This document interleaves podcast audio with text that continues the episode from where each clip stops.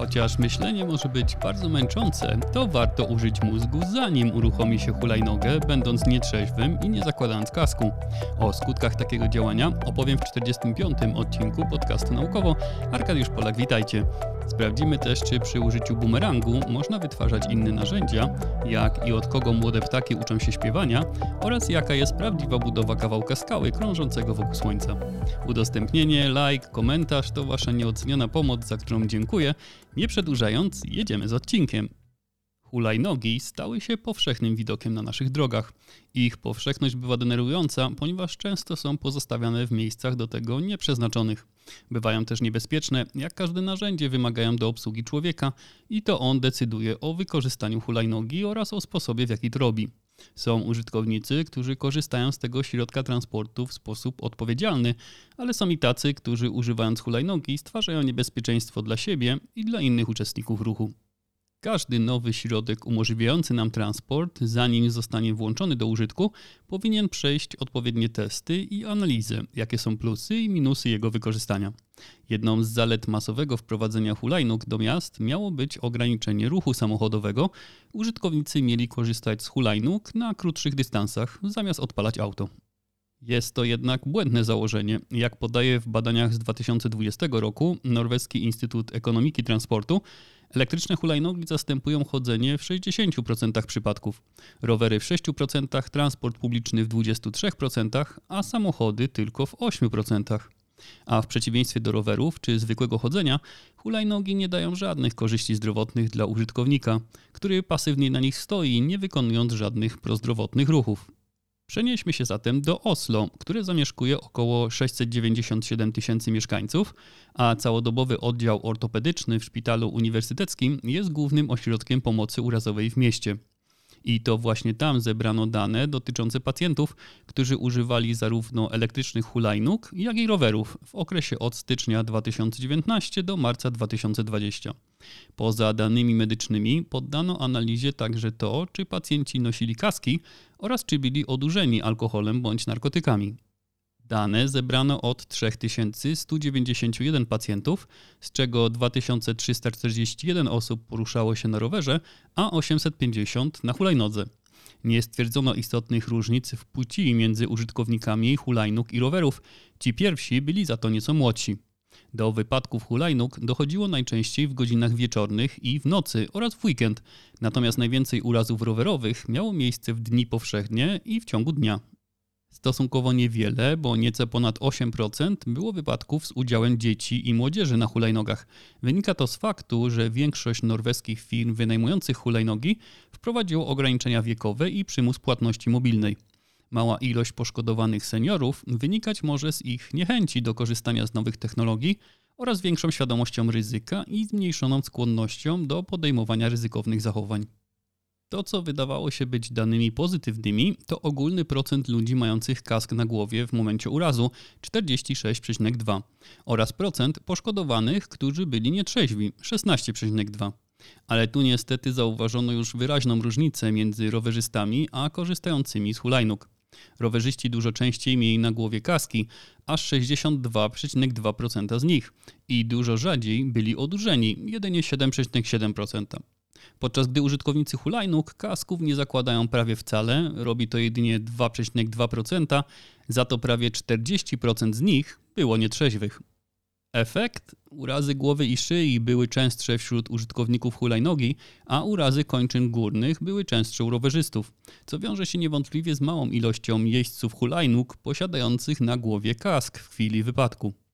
Wnioski nasuwają się same. Edukacja, edukacja i jeszcze raz edukacja, zwłaszcza wśród osób młodych, wymóg noszenia kasku podczas jazdy oraz ograniczenie dostępności do hulajnóg dla dzieci powinno ograniczać ilość niebezpiecznych urazów. Ilość i różnorodność narzędzi, jaką aktualnie posługują się ludzie, jest gigantyczna.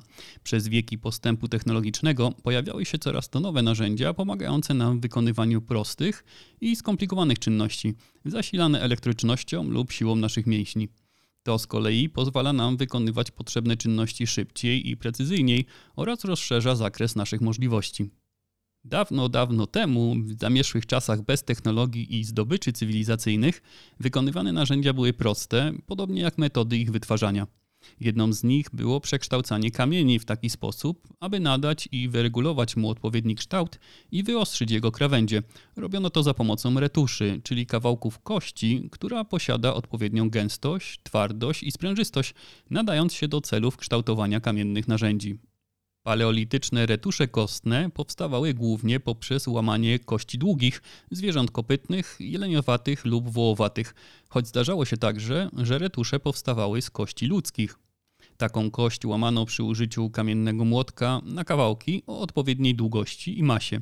Ale jak wskazuje nowy eksperyment naukowców z Australii, do kształtowania kamiennych narzędzi używano nie tylko retuszerów kostnych, ale także bumerangów, Zanim jeszcze do Australii przybyli pierwsi Europejczycy, ludy aborygeńskie używały drewnianych bumerangów nie tylko do polowań czy walki. Same bumerangi były różnie nazywane w tradycyjnych językach w zależności od regionu i plemienia bargan, barragun lub bubarra.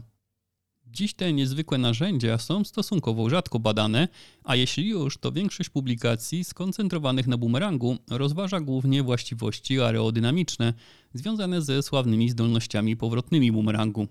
Tymczasem niektóre z nich nie miały takich powrotnych właściwości, ale jak wskazuje nowe badanie, używane były jako narzędzie do wytwarzania innych narzędzi, tylko kamiennych.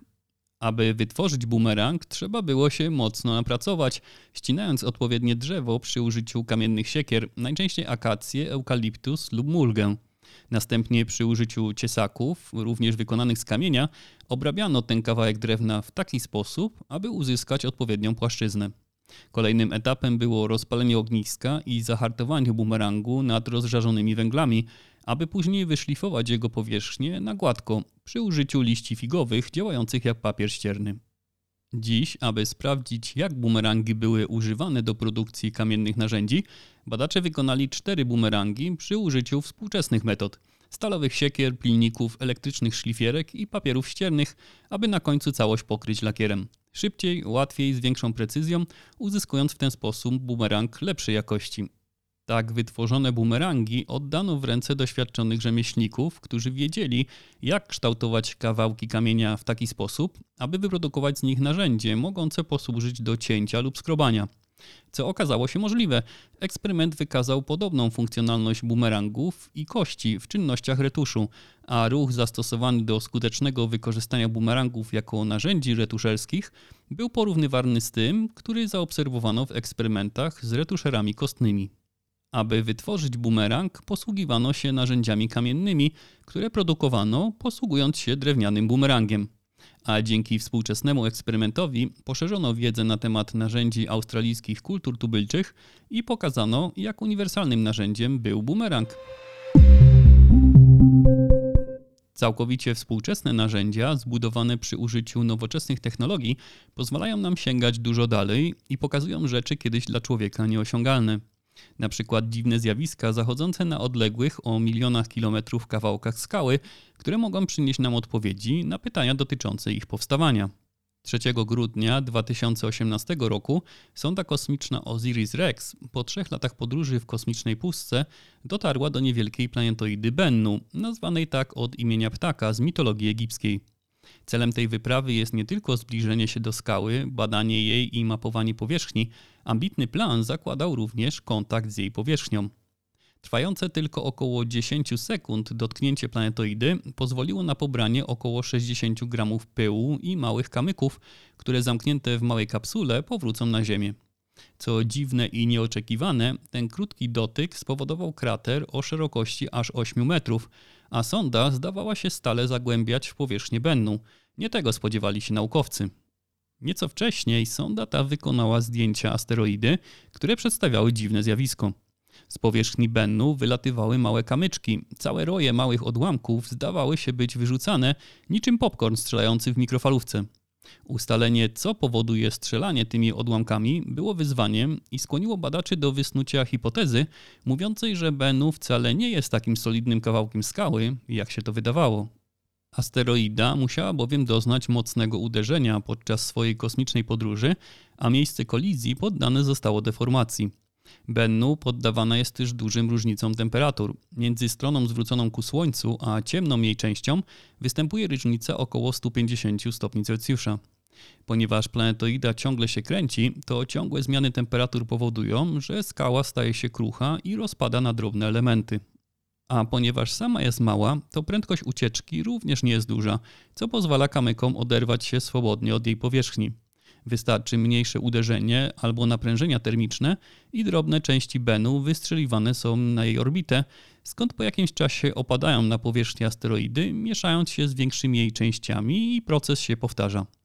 Efekt tego jest taki, że gdybyście dziś w ramach urlopu wybrali się na taką asteroidę i stanęli na jej powierzchni, to nie natrafilibyście na twardy kawałek gruntu, a raczej zapadlibyście się niczym w basenie wypełnionym piłeczkami. Całkowicie odmienna budowa, wydawałoby się kawałek litej twardej skały, dała kolejną dawkę wiedzy o tym, jak kształtują się takie niewielkie kosmiczne obiekty, ledwo utrzymywane w kupie przez grawitację. Te precyzyjne informacje o powierzchni Bennu mogą pomóc naukowcom lepiej interpretować obserwacje innych asteroid, co może być przydatne przy projektowaniu przyszłych misji oraz przy opracowaniu metod ochrony Ziemi przed kolizjami z asteroidami. Myślenie jest męczące. Powie Wam o tym każdy zawodowy szachista, który po długim meczu wymagającym planowania ruchów odpowiedzi na poczynania przeciwnika czuje się naprawdę wyczerpanym. Zauważalnym objawem zmęczenia umysłowego jest to, że po 4-5 godzinach intensywnej gry szachiści zaczynają popełniać błędy, do których nigdy by nie dopuścili, gdyby ich umysły były świeże i wypoczęte. Nie trzeba być jednak szachistą, aby odczuć wyczerpanie pracą umysłową. Może do tego doprowadzić intensywna nauka czy wykonywanie skomplikowanych zadań.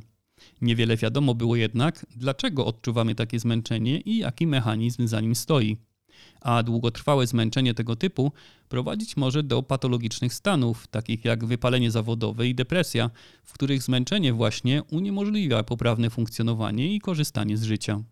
Do tej pory uważano, że poczucie umysłowego zmęczenia może być jedynie iluzją, odczuciem generowanym przez nasz mózg, którego celem jest zaprzestanie wykonywania bieżącego wymagającego zadania na rzecz bardziej satysfakcjonującej aktywności.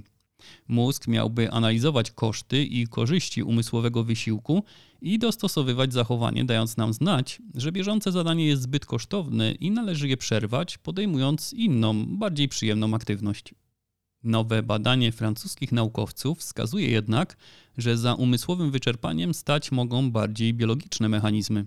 Poproszono bowiem 40 uczestników badania, aby przez 6,5 godziny wykonywali zadania poznawcze, polegające na patrzeniu na serię czerwonych i zielonych liter wyświetlanych na ekranie komputera w szybkim tempie i decydowaniu, czy każda z nich jest taka sama, czy inna od poprzedniej. Badanych podzielono na dwie grupy, które wykonywały prostszą i trudniejszą wersję tego zadania, a poziom trudności zależał od czasu pomiędzy literami i liczby zmian w sekwencji. Tego rodzaju ponad 6-godzinne zadanie naprawdę wyczerpywało uczestników, zwłaszcza tych z trudniejszej grupy. Równocześnie naukowcy wykorzystali technikę obrazowania zwaną spektroskopią rezonansu magnetycznego do monitorowania poziomu glutaminianu i jego metabolitów. Glutaminian jest bardzo ważnym dla nas neuroprzekaźnikiem i pełni różne funkcje. Przede wszystkim uczestniczy w tworzeniu białek, jest podstawową ich cegiełką. Poza tym jest neuroprzekaźnikiem, czyli substancją uwalnianą do szczeliny między dwoma komórkami nerwowymi. Przedostanie się cząsteczek glutaminianu z jednej komórki nerwowej do receptorów znajdujących się na drugiej wywołuje pobudzenie. Bierze też udział w niezwykle ważnych procesach, takich jak uczenie się i zapamiętywanie, ale jego nadmiar jest szkodliwy, prowadzi do uszkodzenia komórek nerwowych i zaburzeń procesów poznawczych. Badając uczestników wykonujących pracę umysłową wykazano, że glutaminian gromadzi się w korze przedczołowej, zmieniając metabolizm mózgu. U osób wykonujących trudniejszą wersję zadania wykazano, że zmęczenie poznawcze zmniejszyło ich samokontrolę, przez co byli bardziej impulsywni. Skany mózgu ujawniły, że było to związane z 8% wzrostem poziomu glutaminianu w bocznej korze przedczołowej. Wzrost ten nie był widoczny u uczestników, którzy wykonywali łatwiejszą wersję zadania. Co więcej, badani nie byli świadomi tego narastającego zmęczenia, co wydaje się potwierdzać codzienne życie. Ludzie kontynuują wykonywaną pracę lub prowadzenie samochodu, ponieważ nie wykrywają swego prawdziwego stanu zmęczenia, a w efekcie tego popełniają coraz więcej błędów i podejmują bardziej impulsywne decyzje.